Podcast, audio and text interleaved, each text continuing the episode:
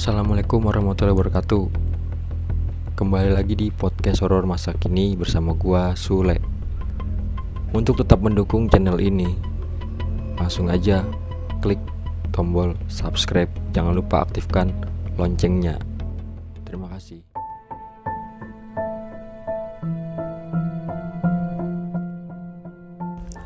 Selamat malam sobat podcast horor masa kini Kembali lagi di podcast horor Siap mengantarkan kalian semua molor.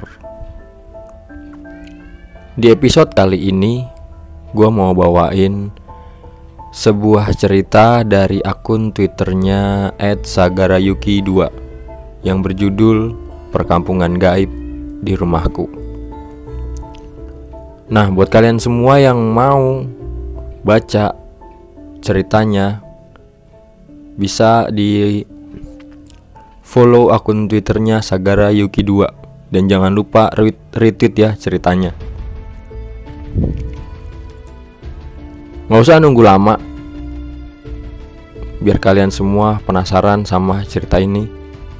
Kita langsung aja menuju ceritanya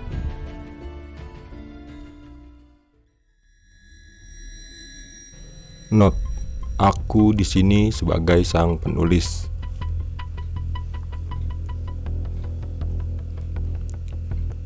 Perkampungan gaib di rumahku.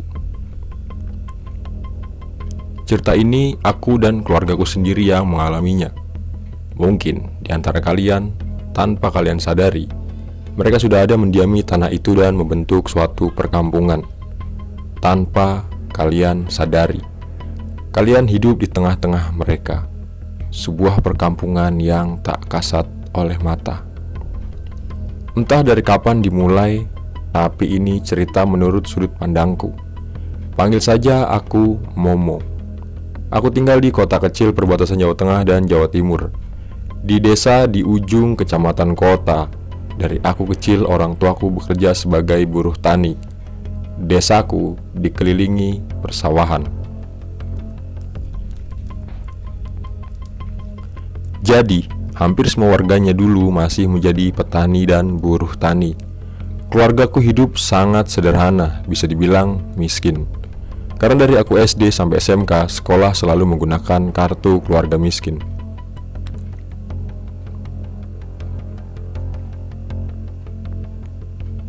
Sejak adikku lahir, mungkin sekitar umur 2 tahun, dan aku masih SD sekitar kelas 2. Ibu sudah menyuruhku untuk belajar tidur sendiri. Waktu itu masih tidur berempat dengan ayah, ibu, dan adikku. Katanya sih biar aku bisa mandiri. Tapi aslinya aku benar-benar anak penakut.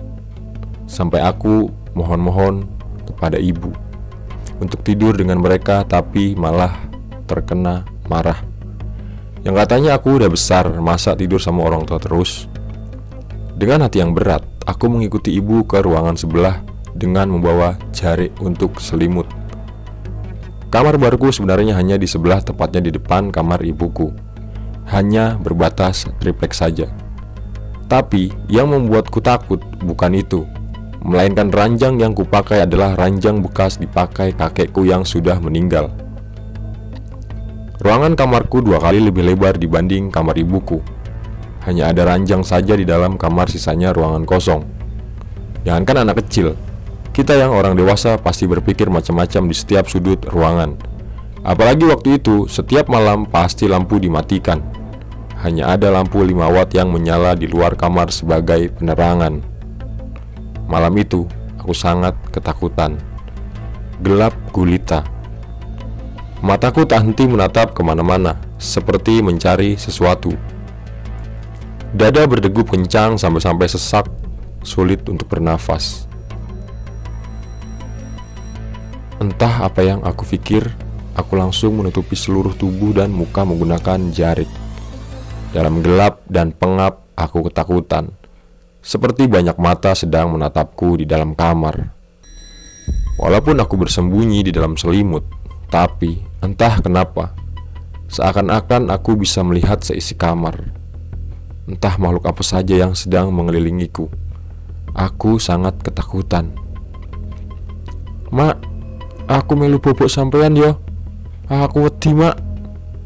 Kataku sambil teriak. Moh, latihan bubuk dewe. Sampai Rene titenono. Kata ibuku sambil sedikit mengancam supaya aku tetap mau belajar tidur sendiri. Aku masih sangat ketakutan di dalam kamar masih merasa banyak mata yang sedang melihatku.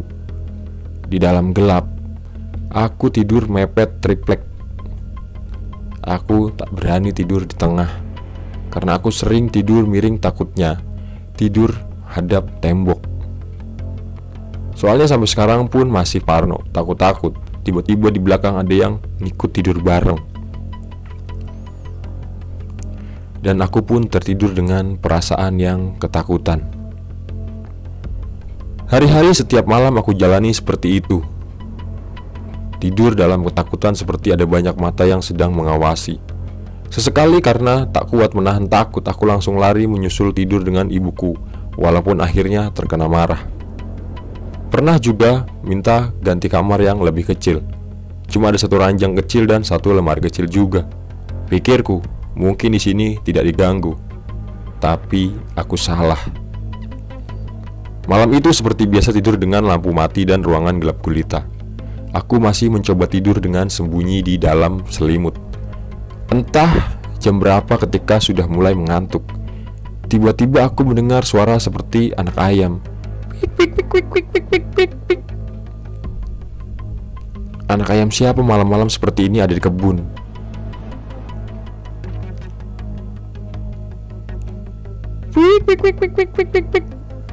Suara itu kembali terdengar.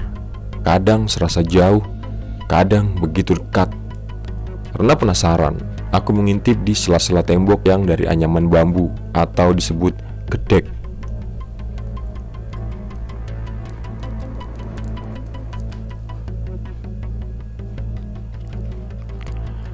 Aku mencoba mencari celah yang sedikit besar.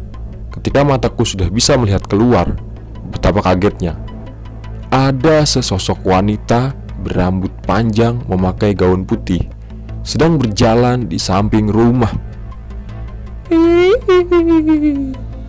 Suara tertawa khasnya. Langsung aku kembali tidur dan bersembunyi di balik selimut. Sangat ketakutan sampai-sampai selalu salah saat membaca doa. Seperti biasa, aku tertidur dengan ketakutan. Sangat banyak hal yang aku alami, sampai-sampai terkadang aku terbiasa dengan ulah mereka. Sangat sering aku ketindihan. Guling yang aku peluk berubah jadi pocong.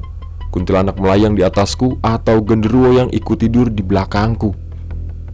Jangan dikira karena terbiasa aku tidak takut. Masih sangat kaget dan ketakutan. Pas kejadian takut banget karena pas ketindihan juga. Gak bisa gerak masih dinapakin seperti itu pula. Ketika bisa bergerak, aku langsung berlari keluar kamar. Berlari-berlari seperti dikejar hantu. Tapi aku tak kapok untuk tidur sendiri.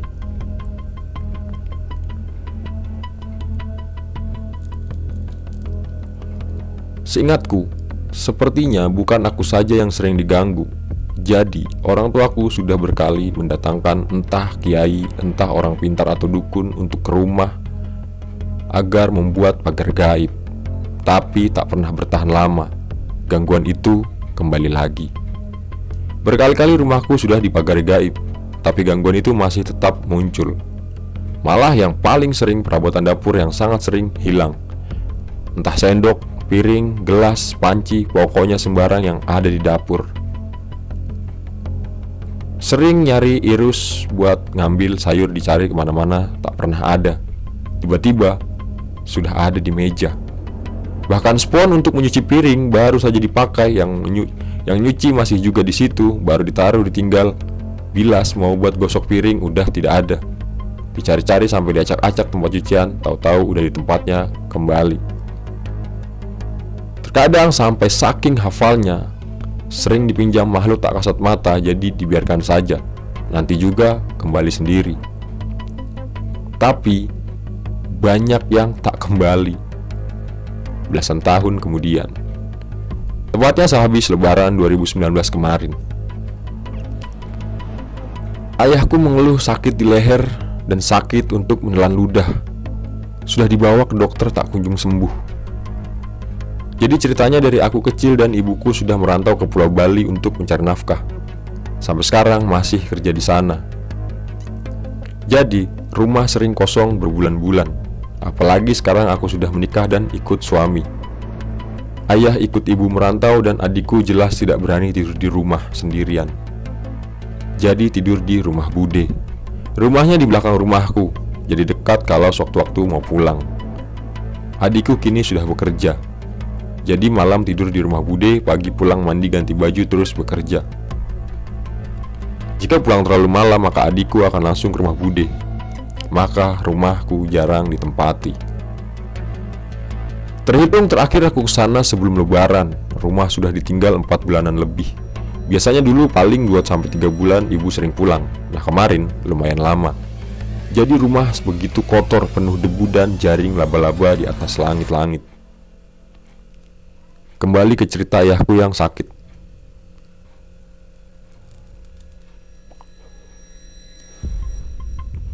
Ceritanya, ayah bersih-bersih rumah. Di bagian kamar mandi, entah karena terlalu lama ditinggal, walaupun kamar mandi sudah dikuras, dibersihkan, tapi setiap mandi badan selalu gatal-gatal. Masalah lain adalah lampu kamar mandi yang mati. Kamar mandi dan kamar adikku itu bersebelahan, jadi jalur listriknya itu satu arah. Oleh ayah diganti lampu, tapi tetap tak menyala. Anehnya, lampu di kamar adikku nyala. Lalu dicoba ganti pakai lampu kamar adikku, akhirnya menyala. Tapi malah kamar adikku lampunya yang nggak nyala. Begitu pusing ayahku ganti lampu, copot kabel di otak-atik. Akhirnya nyala semula. Kamar mandi dan kamar adikku.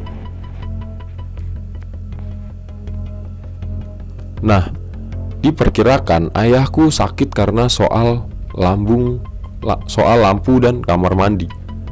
Saking sakitnya buat nelen ludah ngangkat ludah ngangkat sakit berasa kayak ada yang nyekek leher ayah. Akhirnya, atas saran kakak keponakan, dibawalah ayah ke rumah orang pintar. Katanya, ayah diikuti sama nenek-nenek tua bungkuk pakai tongkat mirip mak lampir. Diobatinlah ayahku, awalnya sudah mendingan, tapi kembali sakit lagi.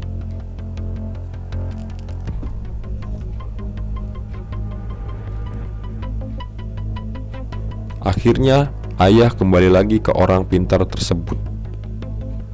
Kata orang pintar itu, nenek-nenek itu tak mau lepas. Beliau menyarankan memagari gaib, tapi harus pas wetone ayah. Dan wetone ayah masih sebulan lagi. Akhirnya, ibu ingat temannya juga punya kenalan orang pintar di Jawa Timur. Sebut saja Pak Nur. Diteleponlah sama ibu suruh datang ke rumah. Entah lupa hari apa, pokoknya hujan. Sore-sore menjelang maghrib Pak Nur datang ke rumah dijemput suami dari terminal. Baru sampai teras tiba-tiba Pak Nur diam sepersekian detik. Tapi sangat jelas Pak Nur berhenti sebentar sebelum masuk ke rumah. Saat sudah duduk pun Pak Nur hanya diam dan senyum. Awalnya aku pikir ini orang kok aneh. Bener-bener bisa ngobatin gak ya? Pikirku dalam hati. Beberapa menit kemudian, Pak Nur baru bicara. Beliau bercerita baru saja tiba mau masuk ke rumah. Di teras, Pak Nur sudah dicegat sama nenek-nenek itu. Nenek-nenek itu berusaha memasuki tubuh Pak Nur. Katanya mau ngajak berantem. Katanya sih Pak Nur yang menang. Terus Pak Nur minta izin bersemedi atau apalah namanya di tempat sholat di rumah. Cukup lama, mungkin 10 menit. Setelah itu memanggil ayah untuk diobati. Lama juga lah, mungkin 15 menitan. Lalu Pak Nur memanggil ibu untuk diajak musyawarah. Aku dan adikku yang kepo ikut mendekat. Niki bapak pun parah bu Mungkin pun dangu leh ngetut nih bapak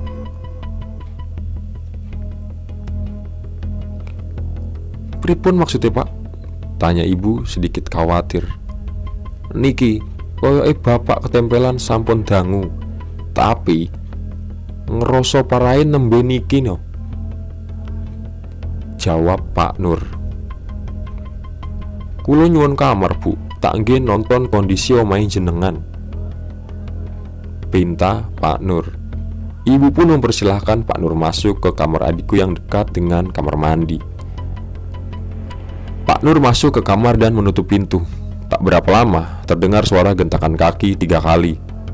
Dan terdengar suara Pak Nur, lirih seperti merapal mantra atau sesuatu. Beberapa saat kemudian, terdengar lagi hentakan kaki yang sama, berulang sampai tiga kali. Sesaat kemudian, Pak Nur membuka pintu, meminta kami mendekat ke kamar. Niki, wow kulo Pas komika, komunikasi kalih penunggu meriki Sebenarnya omah meriki sampun dadi perkampungan. Masya Allah tiba ke penunggu paling enom sing ten meriki umure pun atusan. Niki sing paling enom dereng buka dereng buka nih mbah-mbahane. Kata Pak Nur Mendengar hal itu Antara takut, ngeri, tapi seperti teringat sesuatu.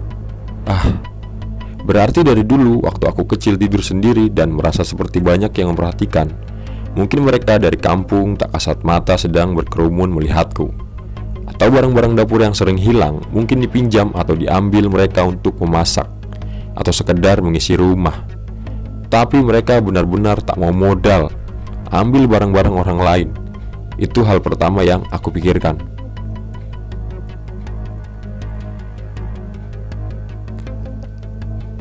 Teng mriki biyene alas enten sumur jaman biyen teng pojokan. Biyen digunakake nggih sanjen tumbal. Ulo gede sirah banteng sing sampean weruhi niku siluman sing mangani tumbal. Untung sampean nolak. Nek purun nggih pun wassalam. Kata Pak Nur Terus pripun pak? Tanya ibu cemas. Wau sampun tak pindahi kabeh. Kulo pindah ten segorok kidul meriko Tapi nggak jenenge mriki pun kampung Deso Nek sak omah mungkin boten balik. Tapi wong sak desa dipeksa kon pindah mesti mengke balik meneh. Dadi sak derenge balik omai sampean dipageri riyen ben boten saged mlebet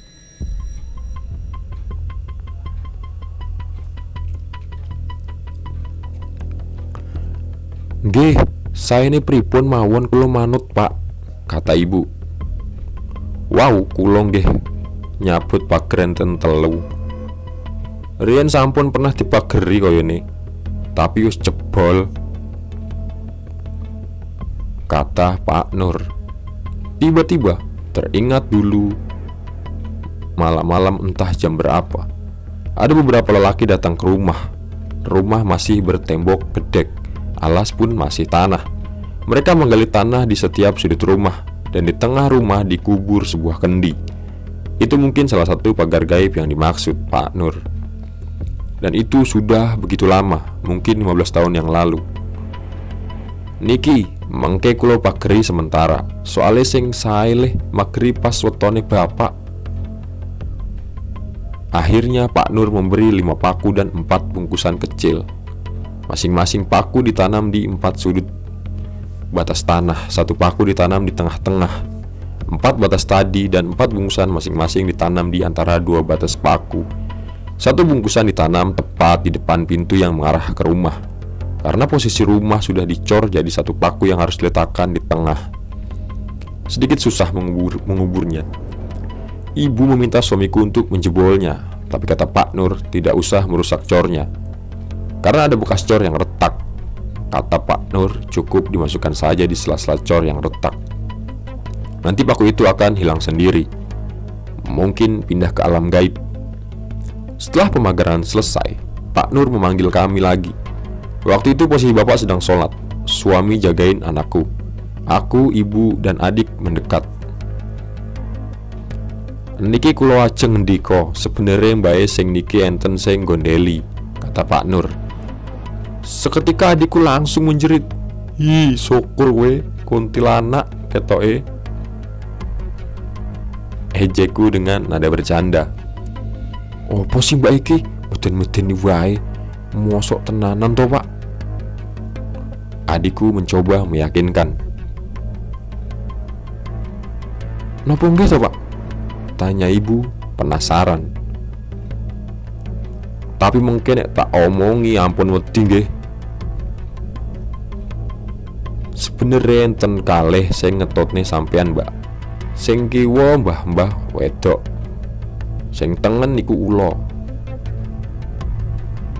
Menjeritlah adikku mendengar hal itu. Lah niku enten apa pak? Kok ngetot anak kula? Tanya ibu. Gak seneng kalih mbak niki Tapi nek buat tendang diusir akibatnya fatal lu Kata Pak Nur Fatal pripun pak? Dang diguak mawon pak? Wedi aku. Gerutu adikku Gak nek kesuwen mengke sampean angin yang golek bojo. Ulan niki efeknya ngaduh nih jodoh. Nek mbah wedok ini ki marai Pokok intinya buatan saya Jawab Pak Nur seperti enggan menceritakan. Mungkin memang sangat buruk efeknya Tak lama, ibu meminta Pak Nur menetralisir tubuh adikku Membuang apa yang berdampak negatif. Pak Nur berkata Apa yang menempel pada adikku membuatnya menjadi malas berinteraksi dengan yang lain Dan memilih menyendiri di kamar. Dan itu memang benar. Adikku tak suka bersosialisasi. Bahkan dengan keluarga sendiri Denganku, kakaknya dan orang tua pun Tak suka bercengkrama atau sekedar mengobrol. Dia lebih suka menyendiri di kamar Dengan dunianya. Entah apa yang dilakukan. Setelah selesai Tiba-tiba adikku bercerita Nek bengi aku gak iso turu. Krungu suara koyo Enek kewan gremet neng tembok. Tapi tak Colok nganggu HP nggak enek opo-opo kok Niku salah siji penunggu sumur. Melakung gremet neng tembok Biasa nih Nek kulo ajeng teko mriki bangsa ngotenipun penerti. Dadi bengine sak derenge kulo teko ngai tondo. Kata Pak Nur Adikku yang mendengar itu begitu ngeri. Semalaman dia tidur dengan makhluk itu yang sedang mencakar-cakar tembok. Aku mendengar itu Ya sedikit takut dan bersyukur. Takut anakku ikut diganggu. Dan bersyukurlah karena tak diganggu. Tapi semua itu ternyata hanya angan-angan saja. Malam itu Pak Nur pamit pulang. Kami istirahat tidur dengan perasaan takut. Takut mengingat apa yang dialami dan diceritakan Pak Nur tadi. Tapi juga lega merasa semua sudah berakhir. Tapi Dua hari setelah Pak Nur berkunjung ke rumah Bapak kambuh lagi sakitnya. Kami sekeluarga sepakat kali ini membawa Bapak periksa ke rumah sakit. Walaupun awalnya sudah periksa ke dokter dua kali dan kata dokter gejala radang tenggorokan, tapi tak kunjung sembuh. Non medis pun sudah diusahakan. Akhirnya Bapak aku suruh periksa ke dokter THT. Sore itu Bapak berangkat ke RS swasta. RS swasta itu berada di kotaku dengan berada di kota tapi tiba-tiba suami telepon. Katanya dokter THT di sana tidak berani mengambil tindakan karena termasuk penyakit membahayakan dan bapak dirujuk ke RSUD yang perawatannya lebih lengkap. Setelah dicek lab, kata dokter bapak kena penyakit tetanus. Iya, tetanus. Aneh kan? Injek paku karatan atau busi karatan juga enggak, kegores juga enggak. Tetanus dari mana coba? Itu yang aku dan keluarga pikirkan. Tapi ya sudahlah, kami orang awam mungkin memang tidak tahu menahu soal penyakit. Jadilah bapak malam itu di opnam. Tapi anehnya, saat di rumah sakit bapak terlihat sehat. Ngeluh leher sakit pun tidak. Makan juga lahap bisa menelan makan dan minuman. Padahal waktu di rumah, untuk menelan air minum saja sakitnya minta ampun. Beberapa hari berlalu, kondisi bapak mulai membaik. Malam itu, ibu, adik, dan suami sedang di rumah sakit. Aku di rumah sendiri dengan anakku yang waktu itu masih berumur 6 bulan. Suami ke rumah sakit mengantar sesuatu. Malam itu, selepas maghrib, aku dan anakku sebut saja Gara di depan TV. Aku menyuapinya makan malam. Saat itu aku merasa biasa saja, tidak takut atau berpikir yang aneh-aneh. Selesai menyuapi dan mau memberi susu, posisinya waktu itu Gara aku pangku sambil duduk. Kepala berada di tangan kiri dan aku sedang menyusui. Selesai menyusui, Gara melihat TV masih dalam posisi tadi. Lalu dia melihat ke pojok ruangan beberapa detik. Tiba-tiba, Gara menyembunyikan mukanya di ketiakku. Enten apa le? Tanyaku sedikit gemas Karena baru kali ini Gara seperti itu Gara melihatku tersenyum Tapi tiba-tiba diam dan melihat kembali ke pojok ruangan Dia menyembunyikan lagi mukanya beberapa saat melihatku Beberapa saat melihatku melirik ke pojokan lagi dan bersembunyi lagi Enten apa tole? Enten apa nih kono? Dan seketika dadaku berdeguk kencang Rasa takut menyeruak Anakku yang tak pernah melakukan hal seperti itu Ada apa? Apa yang dia lihat? Dan aku tak melihat Sampai-sampai karena takut dan bersembunyi tak berani untuk melihat Kulihat sekeliling ruangan Entah kenapa suasananya sangat berbeda Atau mungkin karena aku yang sedang ketakutan. Entah pandanganku mulai kabur atau memang mereka mulai menggerumuniku.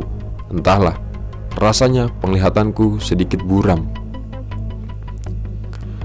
Aku langsung bangkit dan berlari keluar rumah Mengambil kunci dan mencoba menutup pintu. Dadaku serasa mau meledak Sangat ketakutan. Bukan padaku, tapi pada anakku. Berani-beraninya mereka menampakkan diri pada anakku sampai dia takut Aku masih mencoba mengunci pintu tapi tak bisa Mungkin karena terlalu panik Lalu aku mendengar suara azan Isya Aku mencoba menenangkan diri Karena masih sore Pikirku jadi tak akan ada apa-apa dan aku merasa sedikit tenang. Aku mencoba mengunci pintu dan langsung pergi ke rumah Bude yang letaknya di belakang rumahku.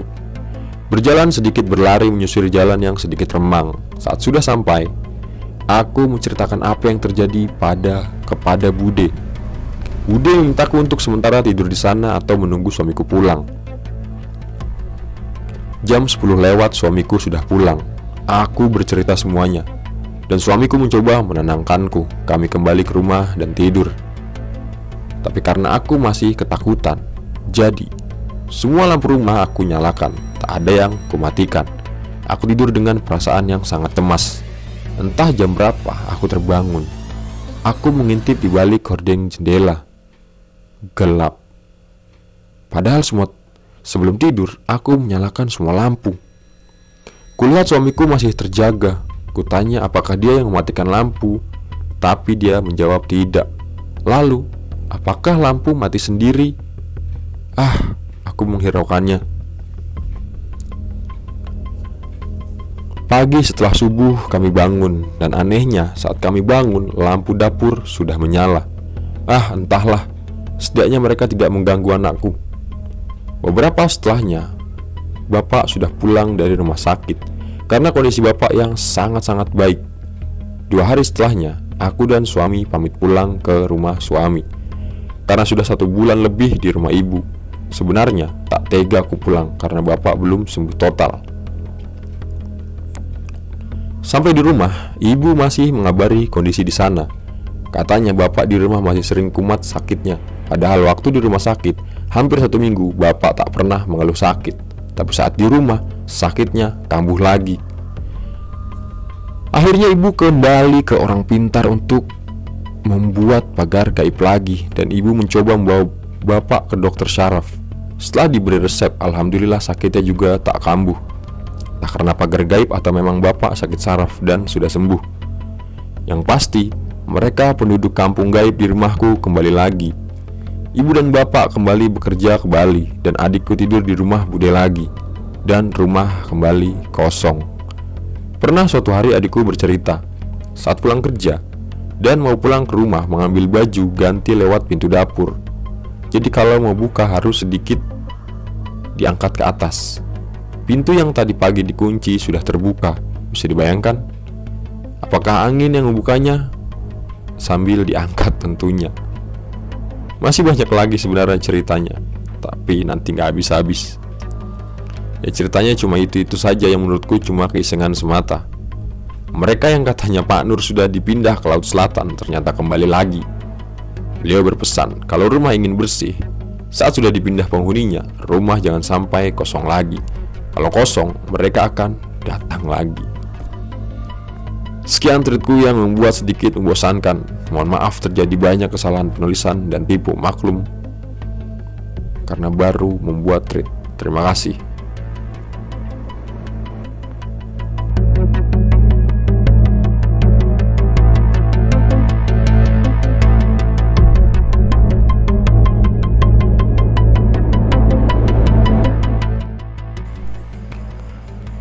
Nah itu tadi cerita dari akun Twitter Sagara Yuki 2 Bagaimana menurut kalian sobat podcast horor masa kini? Serem nggak ceritanya? Menurut gue sih serem ya Karena rumah yang kita tinggali ternyata menjadi perkampungan gaib di alam yang lain Uh, serem kan? Mungkin cukup sekian dulu cerita horor pengantar molor malam ini. Semoga di malam-malam yang selanjutnya kita bisa berjumpa kembali masih di podcast horor masa kini. Cukup sekian dari gua. Akhir kata gua ucapkan Assalamualaikum warahmatullahi wabarakatuh.